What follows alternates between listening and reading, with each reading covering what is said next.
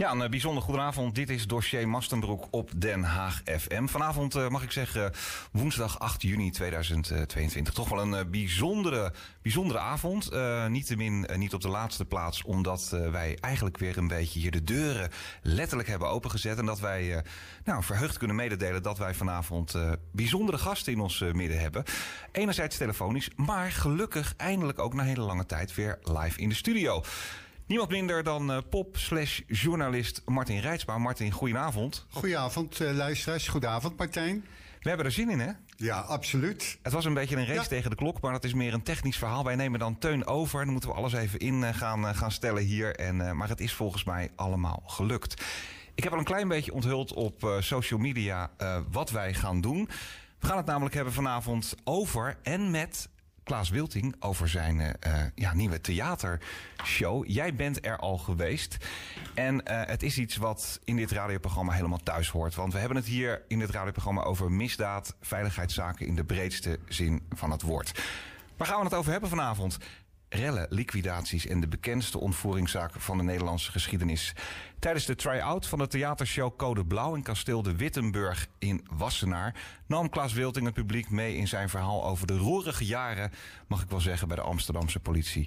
Naast spectaculaire beelden en interviews vertelde de oud-politiefunctionaris het verhaal achter de nieuwskoppen en plaatste, en dat, daar gaan we het straks ook uitgebreid over hebben, drugscriminaliteit van vandaag in de context. Ehm, we hebben hem aan de telefoon. Het is, eh, het is gelukt. Ehm, Klaas Wilting, goedenavond. Goedenavond. Ontzettend eh, dank. Eh, eh, volgens mij ben je druk bezet, want we kregen net ook je voicemail dat je toch nog even de tijd hebt gevonden om vanavond bij te schakelen hier in de uitzending. Ehm, wij hebben elkaar nog nooit ontmoet, Ehm, maar Martin heeft naar jouw theatershow gekeken en die was daar lyrisch over. En die zei Oh, direct, ja. ik ga contact leggen met, met Klaas en we gaan de show gewoon bespreken in de uitzending. Ehm, ja, eh, het gaat eh, over, het, eh, over veiligheidszaken in de breedste zin van het woord. Je hebt het ook over drugscriminaliteit. Dat dat een gevolg is van, hè, naar eigen zeggen, het gedoogbeleid in de jaren zestig. Maar eerst is naar, ehm, hè, we hebben al boeken gehad, je bent veel op televisie geweest. Nu een theatershow. Hoe is dat idee zo ontstaan, Klaas? Nou, ik gaf al en ik geef nog steeds in het hele land geef ik lezingen. En presentaties over mijn tijd bij de politie. Eh, omdat wij ook bezig zijn met wellicht een tv-programma, eh, heb ik ook allerlei opnamen gemaakt in Amsterdam. Vooral in de binnenstad van Amsterdam en op die plekken waar het eigenlijk ook allemaal een beetje gebeurde. En ik had zelf nog een heleboel oude opnamen, dus die hebben we bij elkaar gezocht. En daar hebben we uiteindelijk die theatershow van gemaakt. Ik dacht, nou, het is misschien toch leuk om nu in plaats van de presentatie zonder beelden, nu een presentatie te geven met allemaal beelden uit die tijd. En vooral mensen die, ja, zeg maar boven de 35, 40 zijn, die zullen zich heel veel van die beelden nog wel herinneren uit de periode, en dan zeg ik altijd, de roerige jaren in Amsterdam. Dus Ja. vandaar ook dat eh, ik dacht, nou ja, weet je wat, laat ik eens proberen met een theatershow. Ik heb het nu de eerste keer gedaan in kasteel Wittenburg in, eh, in Wassenaar. En ik ben nu bezig met eh, deskundigen op dat gebied, laat ik het zo maar noemen, waar ik toch gesprekken mee heb, wat ik moet veranderen, wat kan verbeteren. En uiteindelijk probeer ik dan toch, en dat hoeft voor mij niet meteen in Carré, hoewel ik dat wel ontzettend leuk zou vinden. Maar eh, het mag ook in kleinere zalen waar mensen het leuk vinden om naar het verhaal te, te luisteren over de roerige jaren. Waarbij ik ook heel nadrukkelijk in perspectief zet de periode waarin ik bij de politie zat en deze periode en wat dat voor elkaar heeft betekend. Ja, Klaas, als ik even in mag breken. Martin Rijtsma hier. Het is inderdaad heel mooi dat je parallellen gaat trekken. Dat je het in de context van deze tijd ook gaat eh, plaatsen. Het, eh, het aanvankelijke gedoogbeleid, wat eigenlijk eh, wel heel lang geduurd heeft. Het heeft allemaal zijn uitwerking gehad op de huidige criminaliteit. En ja, alle ontwikkelingen na de jaren 70, 80, 90. Toch?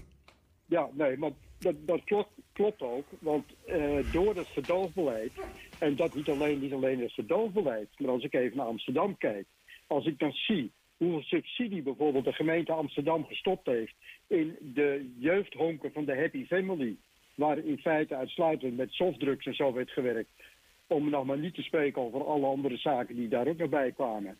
Als ik dan ga kijken dat er ook subsidie is verstrekt aan een, uh, aan een drugscafé in, uh, in de Kinkerstraat, waar geen softdrugs werd, uh, werd verkocht, maar waar de harddrugs werd verkocht.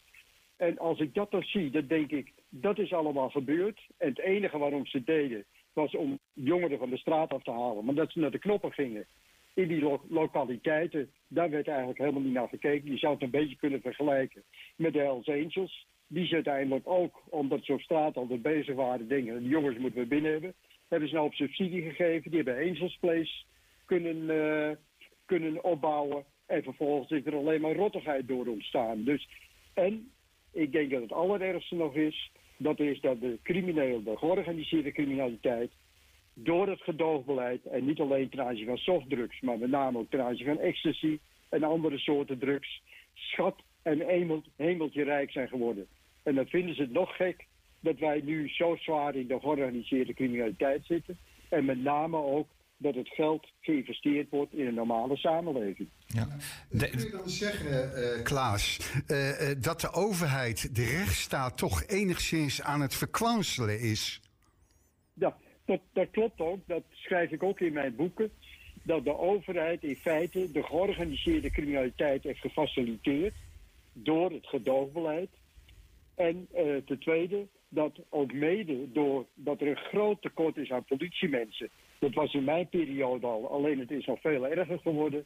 En daarmee vind ik dat de rechtsstaat is uh, voor een groot deel is verkwanseld.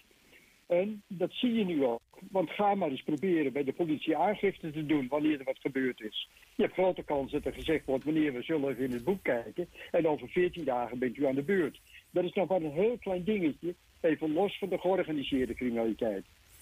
Ja, wat, wat, wat moet er gebeuren, Klaas? Kunnen we het tij nog uh, keren? We zijn op een punt beland natuurlijk uh, met deze week ook weer uh, de diepte rechts, het dieptepunt, de rechtszaken rondom de moord op Peter R. de Vries. Wat natuurlijk ook waarschijnlijk, nou ja, vrijwel zeker ook drugs gerelateerd is. Um, kunnen we het tij nog keren? Wat, wat is er nodig om, om wat er naar jouw mening in de jaren 60 verkeerd is gegaan, nu toch weer goed weer terug op de rails te zetten? Nou, in elk geval is heel belangrijk dat de politie op sterkte wordt gebracht. Daar zijn ze heel erg druk mee bezig. Maar ze vergeten even dat we straks een heel groot korps hebben van jonge politiemensen. En dat de oude politiemensen, dus de kennis zeg maar voor een groot deel, is weggegaan. En voor het korps op de korps op sterkte zijn, dan denk ik dat wij misschien wel vijf of tien jaar verder zijn. Dus dat is al een van de grote problemen. Tweede is, als er dan politiemensen bijkomen, zorg er nou eens voor dat overal de wijkagenten in de buurten weer aanwezig zijn.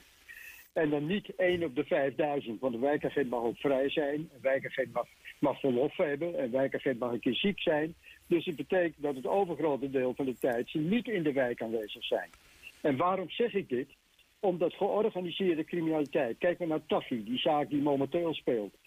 Is in een bepaalde buurt, wijk opgegroeid en daar had veel eerder ingegrepen moeten worden, waardoor zo'n jongen niet zo groot uit kunnen groeien.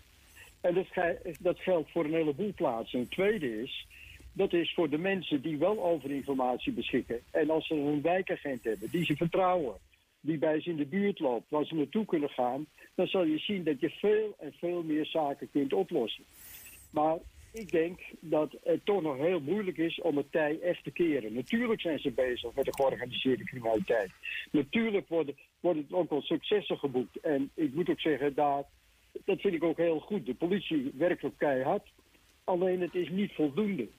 Als ik vandaag weer hoor dat, eh, om even te kijken naar ondermijning, hoeveel geld er uit de georganiseerde criminaliteit wordt gehaald, dan is dat maar een fractie van de omzet in de criminaliteit. Dus dat geeft al aan hoe verschrikkelijk belangrijk het is dat je nog veel meer moet gaan zitten op het geld te halen uit de georganiseerde criminaliteit. Want criminelen gaat het maar om twee dingen.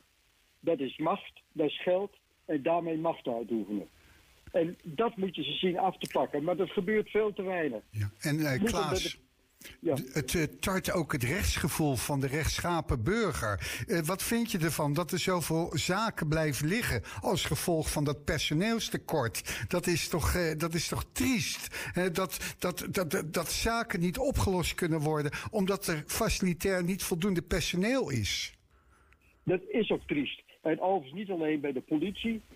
Kijk, als je nou aangifte gaat doen bij de politie, dan is om vertrouwen in de politie te krijgen, is het heel belangrijk om te weten wat er met die aangifte wordt gedaan. Nu probeert de politie en uiteraard justitie ook om je zoveel mogelijk te informeren. Maar als je aangifte hebt gedaan en je weet dat je na verloop van tijd een brief krijgt waarin staat van ja, wij leggen de zaak op, want er zitten onvoldoende mogelijkheden in de dring. Als je weet dat er bij justitie, maar ook bij politie, maar met name bij justitie, zoveel zaken op de plank liggen, waar in feite niets meer mee gedaan wordt, dan is het rechtsgevoel van de burger is totaal weg. En dan heb je ook niet meer het gevoel, ik ga even naar die politie toe om aangifte te doen, wat toch zo belangrijk is, om te zien waar dingen gebeuren, om aangifte te doen als je weet, ten eerste, nou wat ik net al zei, van dat je misschien over 14 dagen aan de beurt bent. Maar het tweede, dat je dan ook maar een hele geringe kans hebt dat jouw zaak uiteindelijk bij de rechter terechtkomt. En als het bij de rechter terechtkomt, dan zijn we een jaar verder.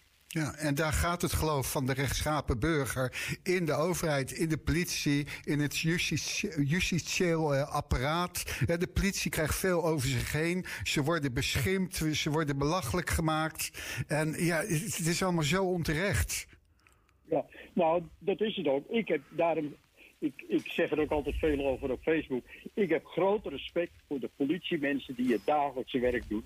Omdat ik gewoon weet dat die jongens en meisjes er alles aan doen om het veiliger en leefbaarder te maken. Maar het zal je maar gebeuren door de rellen die er zijn, door allerlei ellende die er is. Dat je nauwelijks aan je eigen echte werk toekomt. Dan kunnen we niet anders zeggen, het respect. Een tweede, en dat gaf je heel duidelijk aan, als je ziet wat er allemaal tegen politiemensen gezegd wordt hoe die mensen beschimpt worden. Dat er zelfs mensen bij zijn die proberen achter de adressen te komen van de politiemensen om het eventueel thuis nog een keer op te zoeken. Ja, triest. Dan zeg ik, er is iets totaal en valikant mis. En het tweede is, waarom hoor ik niet veel meer de korpschef van de politie, de bazen van de politie, ook op de televisie. Waarom hoor ik niet veel meer steun vanuit de politiek voor de politiemensen? Als ik vandaag, als ik nu net zie, en ik lees het op, uh, uh, ik lees het net in de Telegraaf, dat de burgemeester van Amsterdam, om een mooi voorbeeld te noemen, burgemeester van Amsterdam, die zegt we gaan weer preventief fouilleren, maar ze zegt daarbij, wij zetten daar een apparaat bij, waar, waarbij de vierde of de vijfde die voorbij komt, dat geeft het apparaat dan aan, die moet dan gefouilleerd worden. Ik ben daar zo verschrikkelijk boos over. Dat tast de professionaliteit van onze politiemensen aan. Het staat, het staat morgen denk ik in de krant, ik las het nu al digitaal.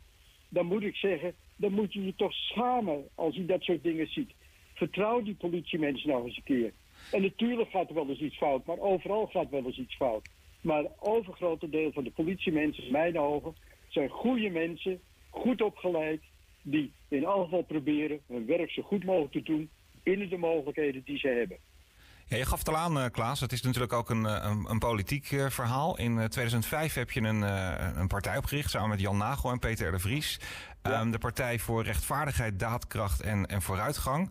Um, ja. Is dat iets waar je vandaag de dag misschien ook nog wel um, toch weer mee aan de slag zou willen gaan? Dat je dan, dan kun je echt iets veranderen. Je kunt natuurlijk het verhaal vertellen op het podium. Dat is natuurlijk heel goed. Daar bereik je ook een heel groot publiek mee. Maar heb je niet de behoefte om toch echt daadwerkelijk iets ook zelf politiek te gaan veranderen? Heb je die ambities nog?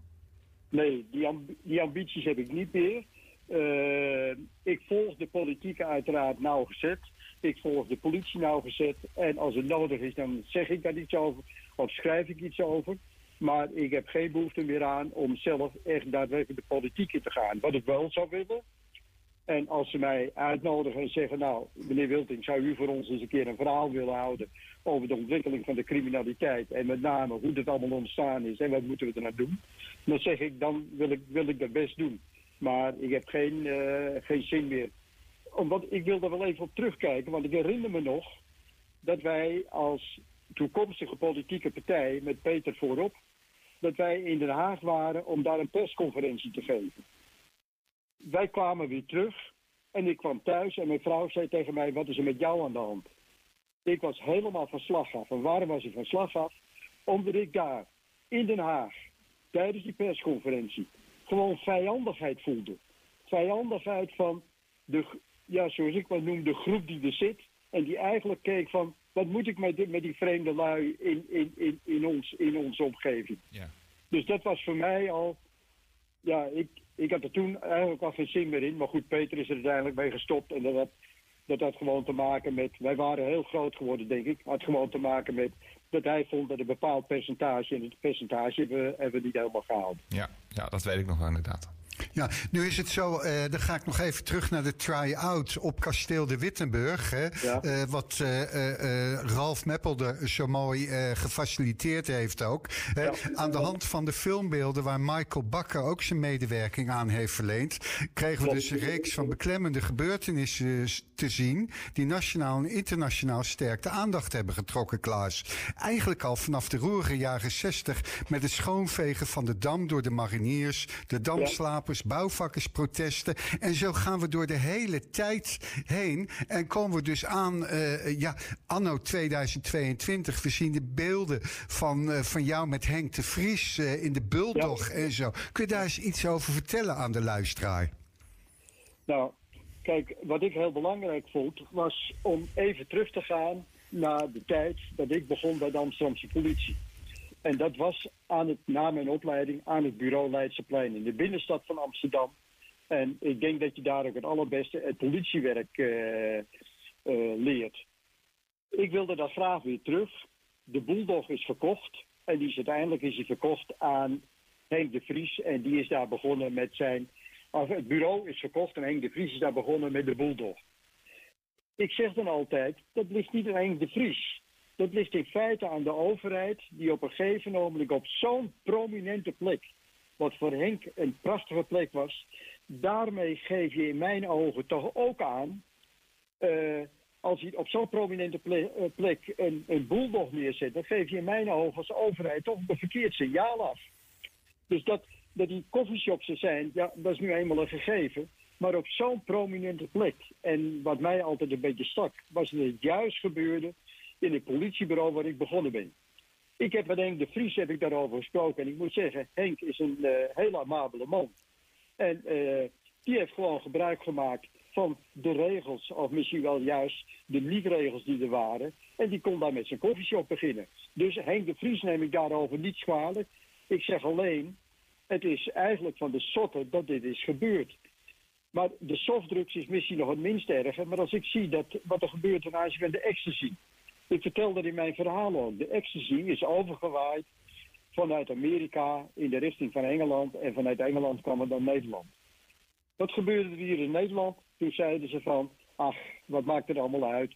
Eén pilletje moet er eigenlijk kunnen. Ja. Op het moment dat je dat zegt, betekent dat het ene pilletje miljoenen pilletjes worden. En nu is Nederland de grootste exporteur van ecstasy. Dat hebben we voor elkaar gekregen door het domme gedoogbeleid. En nu is, heeft het eigenlijk weinig zin om te gaan praten over... moet je dingen vrijgeven of niet vrijgeven. Persoonlijk ben ik tegen vrijgeven. Maar goed, dat is een discussie die maar politiek gevoerd moet worden. Maar het kan niet zo zijn dat als iets strafbaar is... dat je dan gaat gedogen. Want gedogen betekent altijd dat het de verkeerde kant op gaat. Mensen zullen altijd weer de randjes gaan opzoeken. Ja, Klaas. En eh, ja, jouw presentatie eindigde op het kasteel. Ik vond het overigens eh, heel erg boeiend. En nadien heb ik nog een aantal andere eh, eh, toehoorders eh, eh, gevraagd wat zij ervan vonden. We hebben het allemaal als heel herkenbaar, als boeiend en als fascinerend gevonden. En ja, we hebben ook nadien nog even met elkaar gesproken daarover. Ik ga daar ook zeker nog een artikel over schrijven. Maar jouw presentatie eindigt met de recente, eh, recente liquidaties van Peter R. de Vries en Dirk Wiersum. En eh, ja, eh, daar, daar kom je ook op terug en dergelijke. En ja, wat zou je daarover willen zeggen? Nou, het is zo, als je ervoor zorgt, door het gedoogbeleid, dat de georganiseerde crimina- criminaliteit zo machtig wordt, zoals het toch ook uiteindelijk in Nederland is, dan is dit toch een uitvloeisel daarvan. Dat betekent gewoon dat je als overheid compleet hebt gefaald. Je hebt gefaald door het gedoofbeleid, door criminelen zo verschrikkelijk rijk en machtig te maken, dat je ziet dat ze op een gegeven moment denken dat ze alles kunnen doen. Dat ze buiten de wet staan.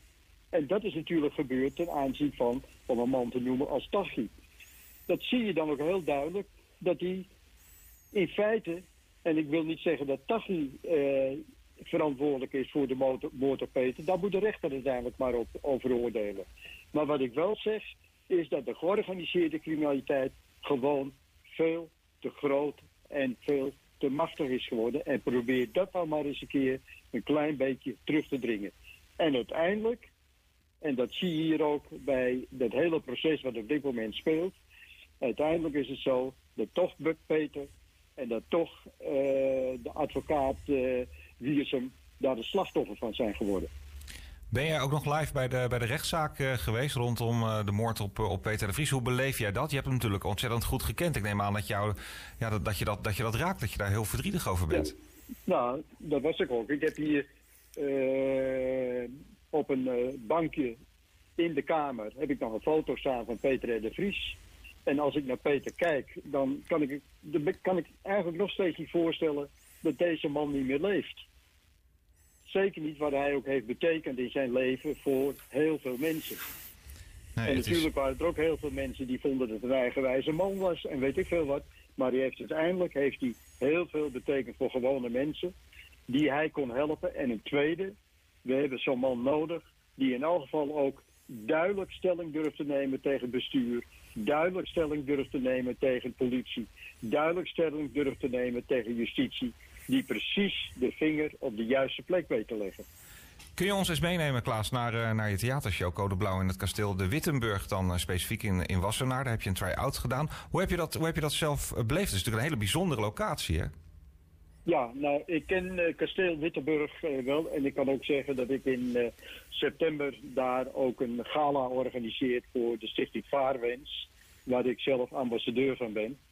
En Vaarwens is een stichting die zich, uh, die mensen die nog één laatste wens hebben vlak voor hun overlijden, om nog een keer met een mooie boot met directe familie te kunnen varen. Heel mooi. Dus, en ik heb daar al een keer eerder heb ik daar een uh, gala gegeven voor een andere organisatie. Dus ik ken uh, Kasteel Wittenburg goed en zeker ook de kasteelheer zoals ik hem altijd doe. En het is een fantastische locatie. Als je daar iets organiseert, en dat heb ik nu ook weer gemerkt, dan is het tot in de puntjes verzorgd. Tot en met een politieauto die voor de ja, deur ik, stond. Ja, ik, heb het gezien inderdaad. Uh, en, en hoe waren de reacties van het, van het publiek? Martin is lyrisch, maar in het algemeen? In het algemeen waren de reacties die ik heb ontvangen... die waren uh, positief tot uh, zeer positief. En ja, daar was ik natuurlijk wel gelukkig mee. Ik vind zelf dat er bepaalde dingen toch een beetje moeten veranderen. Maar dat heeft vooral met de techniek te maken. Kijk, een verhaal houden voor het publiek is voor mij geen enkel probleem. Maar een verhaal houden met ook de beelden erbij, dat moet wel met elkaar kloppen. En zo af en toe klopt het niet. Dan werd in het verhaal werd, werd het al verteld, wat ik later nog een keer herhaalde in mijn toespraak, zeg maar. Ja, ja. had je er wel een technicus bij, zeg maar? Of, oké. Okay, ja. Ik had er wel een technicus bij, maar ik denk dat wij uh, van tevoren misschien toch iets meer hadden moeten oefenen. Ja. Ja, daar, daarom is het ook een, uh, is het een try-out natuurlijk. Ja. Dus, uh... Nou ja, ik hoor wel eens dat uh, echte artiesten, ik ben geen artiest, maar de echte artiesten zo'n drie, vier keer een try-out houden voordat ze naar de grote theaters gaan. Ja, ja. Want, want hoe gaat dat nu, nu verder? Ik weet niet of jij dat weet, Martin, maar Klaas weet dat natuurlijk als geen ander. Hoe gaan we dat nu verder uh, zien? Uh, gaan we echt het land in? Ga, ga je toeren? komt er, komen er ja, nog weer try-outs? Nou, ik heb, ik heb sowieso heb ik, alweer een paar afspraken en ik heb ook vlak na de try-out heb ik een mooie afspraak gehad bij de politie in Zwolle. Dat was een hele mooie afspraak, vooral voor de mensen die zich met forensic bezighouden. En daar heb ik uh, mijn verhaal gehouden, gehouden, en delen van de show, zeg maar, laten zien op beeld. Ja. En uh, dat is uh, heel, goed, heel goed bevallen. ik ben ook bij andere politiemensen nog uitgenodigd, maar ik zit ook in het land op verschillende plaatsen. Daarom ten aanzien van de theaters. Ik was natuurlijk een beetje laat en om in te breken binnen het theater zou moeilijk zijn. Maar ik heb binnenkort heb ik een afspraak met een van de mensen die heel veel van dit soort shows af weet. Dat is Frank Wenting van Studio 21, waar hij nu weer naartoe gaat. En met die man ga ik om de tafel zitten en aan hem ga ik vragen wat ik kan verbeteren. En wellicht dat hij mij ook wat verder kan helpen. Ja, maar uh, Klaas, wat is jouw inschatting uh, voor, uh, voor de shows in het land? is dat een half jaar of is het iets voor 2023 en, en verdere jaren? Wat is jouw inschatting? Nou, wat ik in elk geval hoop dat ik, dat ik in het najaar, laat ik het zo maar zeggen, in het najaar hier en daar toch wat optredens kan hebben. En die komen er ook zeker, dat weet, dat weet ik. En, uh, en eventueel volgend jaar, als er dan, want dan heb je toch misschien wat meer mogelijkheden. En is er ook misschien wat meer publiciteit over geweest, waarbij mensen echt die show hebben gezien. En wat zij ervan vinden. Dan hoop ik dat ik er toch nog eventjes mee door kan gaan. En ik hoop, en daar ben ik uh, ook mee bezig, uh, maar via een collega om eventueel ook in het buitenland op te kunnen treden. En dan voor de Nederlandstalige mensen. Ik heb het al gedaan in uh, Tormel, nee, niet Tormelinos, in Marbella. Ja.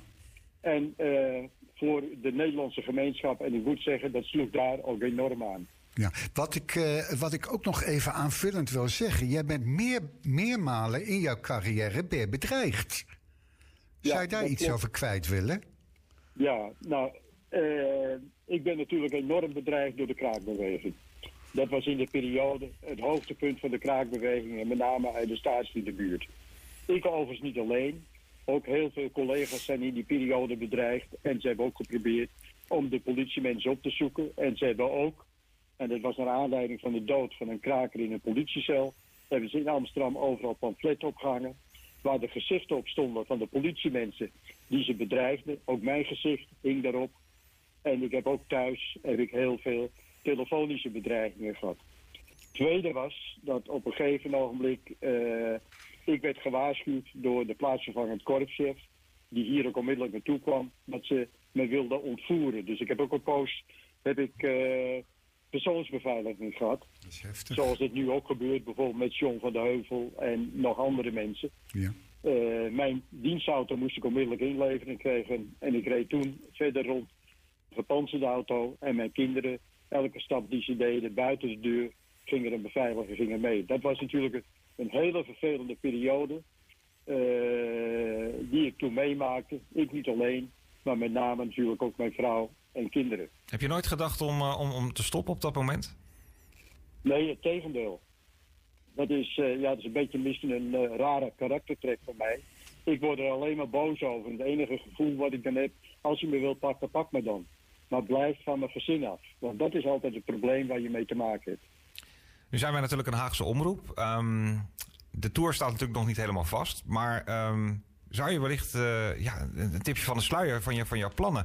kunnen we je misschien in de toekomst ook in Den Haag verwachten met, uh, met, met, deze, met deze theatertour?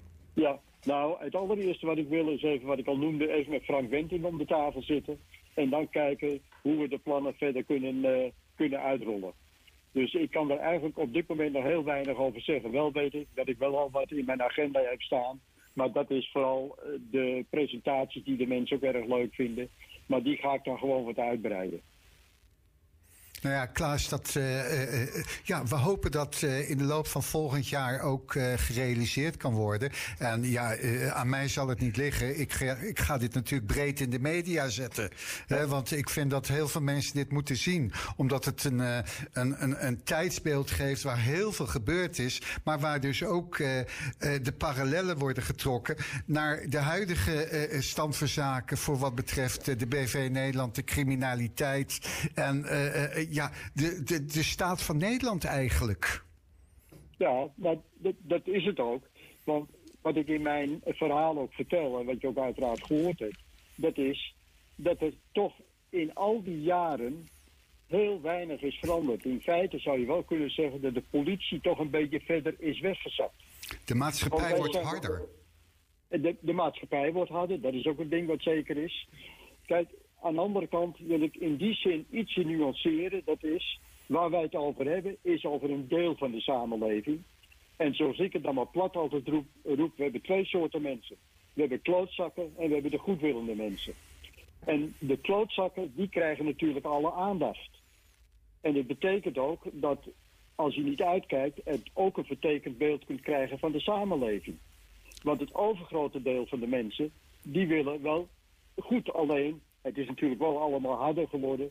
Dat heeft ook te maken met eh, de, de mensen die kunnen ook veel minder kunnen ze hebben. Kijk maar naar de coronaperiode die we hebben gehad. Ja. Waarbij als iets over corona zei en de tegenstander, dan valt daar gewoon niet meer mee te praten.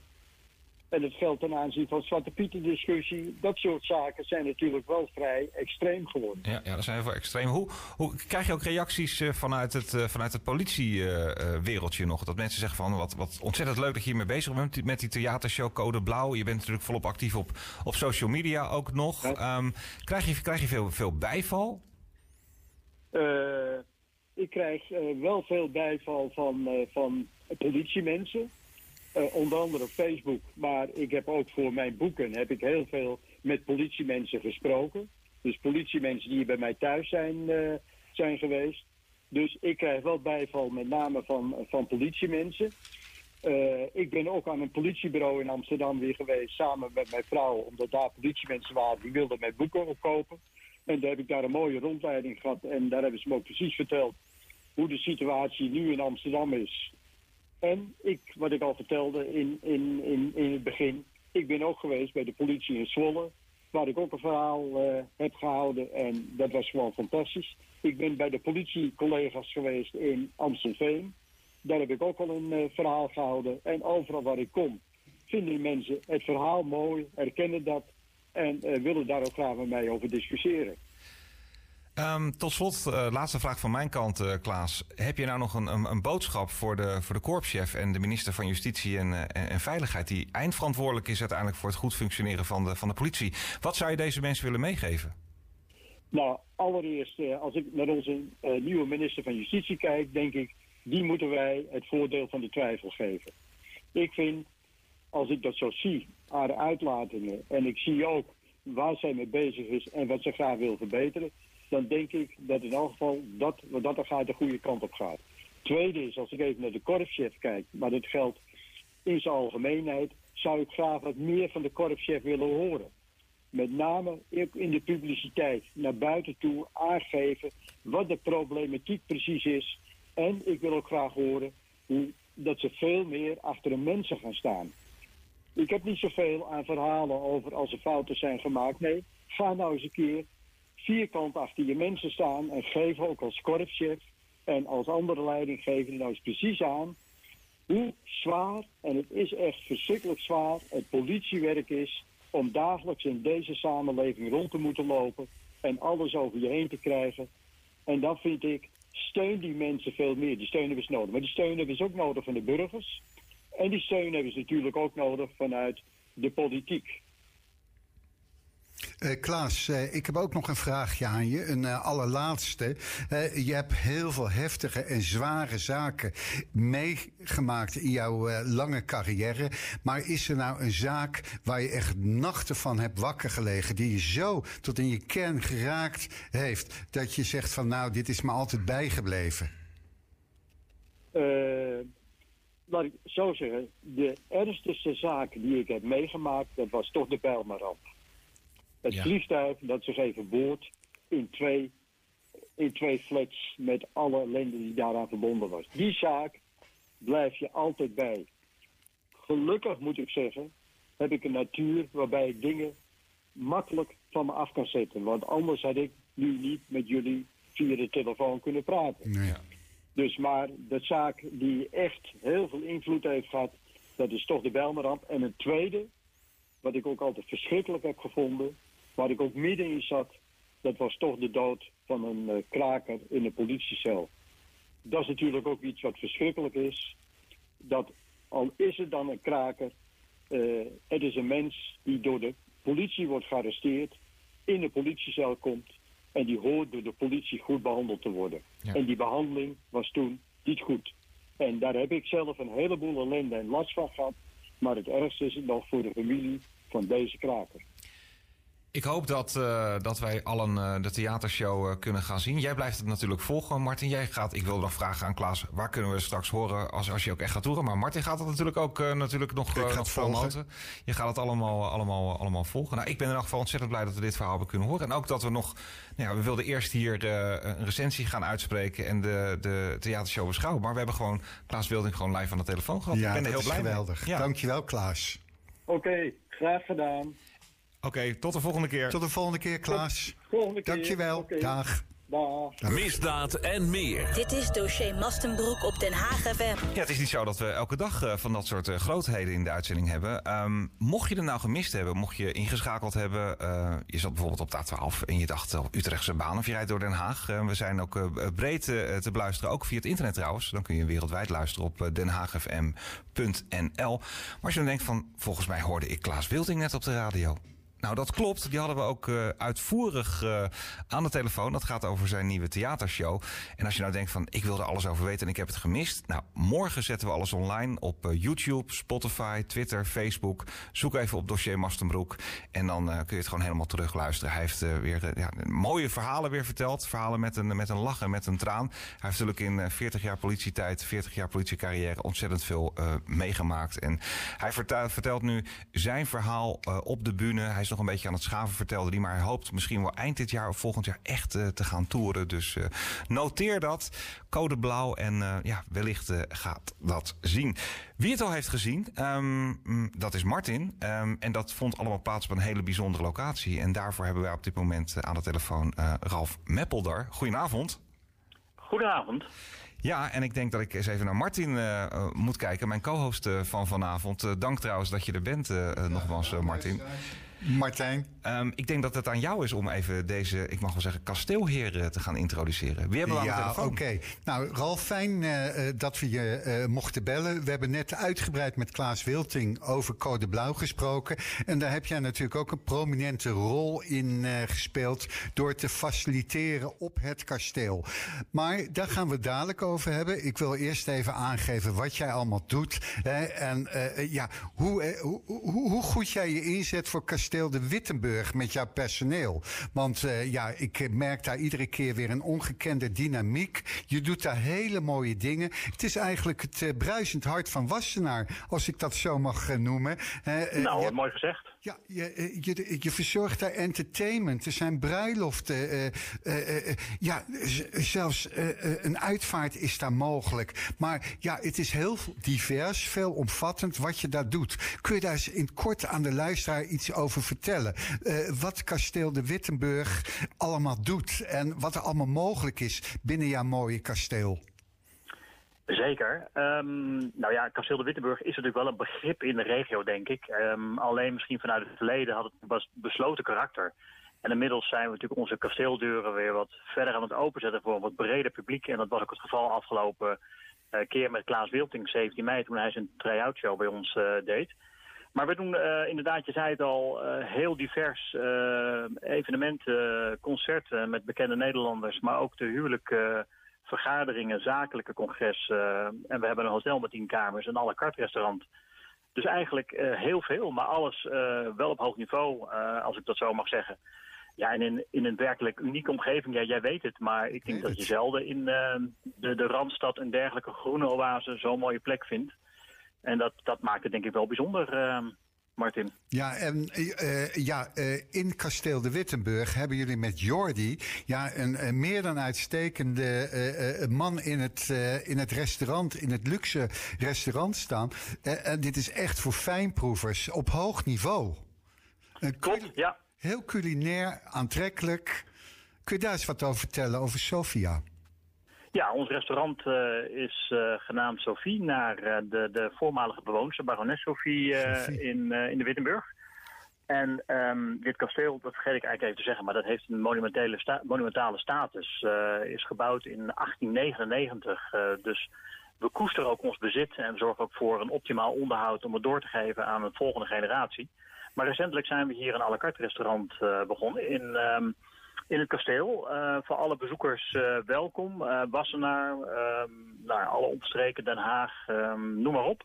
En daar ehm, kookt onze chefkok Jim um, werelds, wereldse gerechten, maar wel uh, op een, op een Franse klassieke basis. En Jordi heeft inderdaad het restaurant onder zijn hoede en is daar de maître. Ja, een gastheer puur zang. Klopt. Ja, we hebben dat gemerkt, want eh, na de, eh, na de voorstelling Code Blauw hè, op 17 mei uh, mochten we met z'n allen aanschuiven aan een diner. Ja, en dat, dat, dat was heerlijk. Ik heb daar met Jordi ook nog even over gesproken. En ja, dit is zo verfijnd. Dus absoluut complimenten voor jou, voor Jordi en ja, jouw servicegerichte personeel op het kasteel. Goed om te horen. Ja, dat was natuurlijk eigenlijk ook wel heel bijzonder. Uh, Klaas Wilting die zijn show bij ons in het theater uh, in onze congreszaal uh, verzorgde. Ja, dan vind ik het wel leuk om de gast nog iets meer mee te geven. Dus vooraf hadden we het ontvangst met Amsterdamse hapjes. zijn verhaal ging natuurlijk ook met name over Amsterdam en, en over nou ja, alle, het geweld en alle politieoptredens in Amsterdam, de krakersrellen. Dus wij vonden wel dat het een Amsterdams tintje nodig had. Dus we hebben Amsterdamse hapjes geserveerd 2.0. Dus uh, we hebben de ossenworst van stal gehaald. En daar hebben we een hele mooie moes van gemaakt. Uh, met uh, garnituren van ja, de bekende, ik mag geen reclame maken natuurlijk, maar de tafelzuren uit Amsterdam. Um, nou ja, je kent ze wel. Um, we hadden een accordeonist georganiseerd die wat Amsterdamse muziek speelde om het geheel net even wat aantrekkelijker te maken. Uh, we hadden zelfs een, uh, een echte keverpolitieauto uit de jaren 70 voor de deur staan, waar Klaas ook was helemaal uh, wild van was. Ik weet niet of hij dat net nog verteld heeft. Maar dat was voor hem natuurlijk wel een verrassing en een pronkstuk. want dat was de auto. Ja, een, een, hoogtepunt, zei hij zelfs. Ja, dat zei hij. Kijk, kijk, ja. Nou ja, uit zijn dienstjaren heeft hij daar, heeft hij daarin gereden. En dat ding dat stond hij voor de deur. Dus dat wat, wat, wij zoeken is natuurlijk ook het stukje beleving. Dus het was absoluut een eer dat, dat Klaas de Wittenburg uh, het podium uh, nam om zijn try-out, uh, theater show hier te doen. Maar we vinden het leuk om daar die beleving aan, aan vast te koppelen. En dat deden we na afloop met een mooi diner in onze kasteelzaal. En we hadden zo'n 130 gasten die van een twee-gangen diner genoten na afloop. Ehm, en dat was gelukkig goed, goed geslaagd. Dat is ook niet iets wat we natuurlijk iedere dag doen. Uh, maar dat ging allemaal, uh, allemaal erg goed, Martin. Ja, kun je ons eens uh, meenemen naar de geschiedenis van het kasteel? Ik ben er zelf wel een beetje benieuwd naar. Dat kasteel is natuurlijk niet gisteren gebouwd. Dat kent natuurlijk een, een geschiedenis. Kun je daar ja. in het kort iets over vertellen? Dat we een beetje kennis maken met, met de historie van het, van het kasteel in Wassenaar. Zeker. Het is, het is een monumentaal pand, zoals ik net al zei. En het is gebouwd in 1899. Dus eigenlijk nog wel een jonkje in, in alle ja. Um, ja erfgoedlijn Um, gebouwen en panden en, en, landgoederen die we hier in deze omgeving uh, veelvuldig aantreffen. Um, en we noemen het een kasteel, maar eigenlijk is het geen kasteel. Het is gevormd in, uh, of gebouwd in de vorm van een kasteel. En dat was in die tijd was het heel hip om je landhuis of je buitenverblijf uh, te bouwen in de vorm van een kasteel met een gigantische hoge toren en kantelen op het dak. Um, en eigenlijk in de afgelopen jaren heeft het altijd de naam gehad Kasteel de Wittenburg. Ja, en wij zijn die naam verder gaan gebruiken in onze exploitatie. En natuurlijk, het, het werkt ook lekker. Maar we zijn natuurlijk geen echt kasteel. Um, het uh, gebouw waar we nu in, uh, in zitten, overigens waar ik nu nog steeds hier in zit, in de torenkamer achter mijn bureau, um, is een landhuis. Gebouwd uh, door de familie Speelman. Um, die woonde vroeger op het Voorhout. Vonden er daar in die tijd, zo praat je over 1890, veel te druk, wilden een buitenplaats um, hadden hun oog laten vallen op, uh, op Wassenaar. En hebben daar op uh, de oude vesting van een hoeve die hier stond... Um, ja, kasteel de Wittenburg laten bouwen. Dus het is eigenlijk een woonhuis, een buitenverblijf. Maar al gauw vonden ze het hier zo prettig dat ze hier uh, permanent gevestigd zijn. En hier lange tijd met z'n tweeën gelukkig in dit enorme kasteel geleefd hebben. Met al hun personeel dat moet ik nog wel even bijzeggen. Ze hadden niet een, een paar dienstdames voor hun werken. Maar dat was een heel batterij aan personeel. Uh, keukenpersoneel, um, tuinmannen, um, bodes, bediendes, noem maar op. Ja. Ralf, eh, de coronaperiode van ruim twee jaar heeft toch ook een behoorlijke impact gehad op kasteel De Wittenburg. Maar daar ben je ook heel inventief mee omgegaan. Dan moet ik aan die autodag oh, denken. Ja, ja, ja. Dat, dat, was heel inventief, goed bedacht. Kun je daar eens wat over vertellen? Ja, nou ja, corona, dat, dat was natuurlijk uh, voor iedereen uh, uh, werkzaam in de horecabranche een, een, een, enorm drama. Hoe abrupt het onze werkzaamheden stopte ehm, en we niet precies wisten waar we aan toe waren, hoe lang dit zou duren en welke alternatieven we zouden kunnen, kunnen, kunnen optuigen. Maar goed, op al, ja, een gegeven moment komt toch het besef, stilzitten heeft geen zin en, en je kasteel dicht houden uh, en niet organiseren. We hebben natuurlijk een tijd gekend dat er echt een enorme lockdown was, dat je ook echt niks in het kasteel mocht doen. Ik geloof dat we wel mochten condolences organiseren. Het hotel mocht open zijn, maar daar was het ook echt, uh, echt mee gedaan. Dus een van onze personeelsleden zei, waarom gaan we niet een drive-thru doen op ons landgoed? Ja, daar hadden we eigenlijk nog helemaal niet aan gedacht. we hebben een, uh, een groot landgoed, we hebben 200 parkeerplaatsen. Um, maar ja, door de tuin kun je natuurlijk niet rijden. Maar wij zeiden op een gegeven moment, nou misschien kun je wel over die parkeerplaats, zoals Slingen, dat over het hele landgoed, uh, een soort route creëren waar je allerlei steentjes en kraampjes tegenkomt, waar je allerlei lekkers uit de keuken van de Wittenburg kunt proeven en drinken. Nou, dat hebben we op een, uh, een uh, maandagochtend bedacht. En een paar maanden later hebben we het uitgevoerd. En dat was een enorm succes. En we hebben dat uiteindelijk in coronatijd vier keer gedaan. We hebben één keer een kerst uh, drive-thru gedaan. Um, we hebben één keer een, een winter drive-thru gedaan. Uh, en ik weet niet of je dat nog kan herinneren, Martin, maar dat was precies in die periode februari 2021. Zal het nooit vergeten. Wij hebben toen een winter wonderland drive-thru ja, georganiseerd. Hadden sneeuwkanonnen um, ingehuurd. Maar die hadden we niet nodig, want het was precies de periode dat we gigantische vorst hadden en uh, enorm veel sneeuwval. Ja. dus dat thema dat kwam volledig tot z'n recht. we hebben nog een. Ja, dat was, dat was uh, geweldig. Maar zo hebben we uiteindelijk wel... Ik wil niet zeggen dat we daarmee alle inkomsten hebben goed gemaakt... want dat is natuurlijk niet waar. Maar we hebben wel de spirit in ons, uh, in ons team uh, gehouden. We hebben wel ja, de communicatie met de buurt en de omgeving in stand kunnen houden. En ja, last but not least heel veel blije mensen gezien... die natuurlijk na een jaar in een lockdown ontzettend blij waren dat we weer wat konden doen met muziek, met reuring, entertainment, um, lekker eten, drinken. En uh, na afloop kregen ze dus de, de, het hoofdgerecht mee. Want het rondje over het landgoed was uh, eigenlijk het voorgerecht. Uh, en ze kregen het hoofdgerecht mee in een doos. werd achter in de auto gezet. Gasten, bestuurders hoefden er niet uit. daar zat dan het hoofdgerecht en het dessert in. Een flesje wijn erbij. Uh, even afrekenen. En uh, nou, thuis kon het feest verder voortgezet worden. Ja, in coronatijd was dat, ja. Was erg lekker. Uh, Martijn, ik kijk Martijn even aan. Hebben wij nog tijd om Ralf in de gelegenheid te stellen... om het, het, programma voor de komende maanden aan te geven? Zeker hoor, dat, ja? dat, dat kan nog wel hoor. Ralf, heb jij nog wat evenementen paraat... die je onder de aandacht van de luisteraars wil brengen? Zeker, zeker, zeker. Uh, wij hebben uh, het eerste evenement uh, net na de zomervakantie Dinner in the Sky.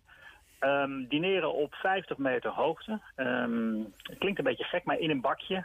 met 24 mensen rondom een tafel, een echte keuken. Waar onze kok op 50 meter hoogte een drie gangen menu serveert.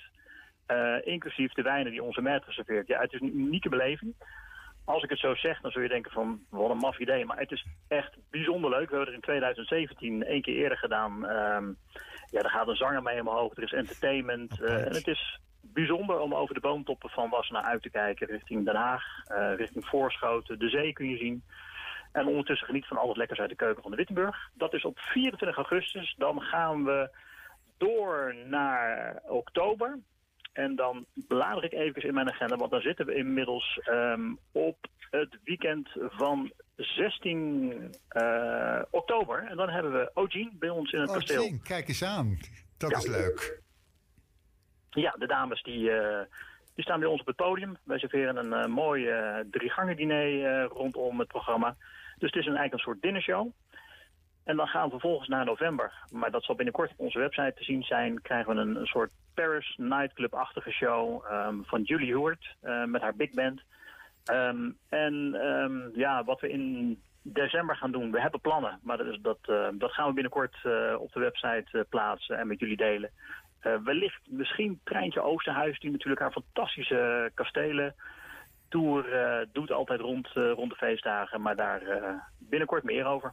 Overigens laten we eerst lekker van de zomer gaan genieten. Van al die mooie feesten en, en bruiloften bij ja. ons in de tuin. En wellicht ooit na deze try-out de echte definitieve versie van Klaas Wilting natuurlijk. ja, nou dat, dat zou natuurlijk ontzettend leuk zijn. Misschien ook wel leuk, maar ik weet niet of Klaas het al verteld heeft. Maar hij gaat natuurlijk ook met niemand minder dan Frank Wenting uh, ja, ja, zijn theatershow verder vormgeven. En ik denk dat dat best spectaculair kan worden. Nou, dan zijn jullie er in elk geval uh, de mensen geweest van het allereerste uur die dat uh, hebben mogen aanschouwen. En dat, dat kindje geboren hebben zien, zien, zien worden. Ik denk dat dat iets kan zijn wat echt wel heel erg kan gaan aanslaan.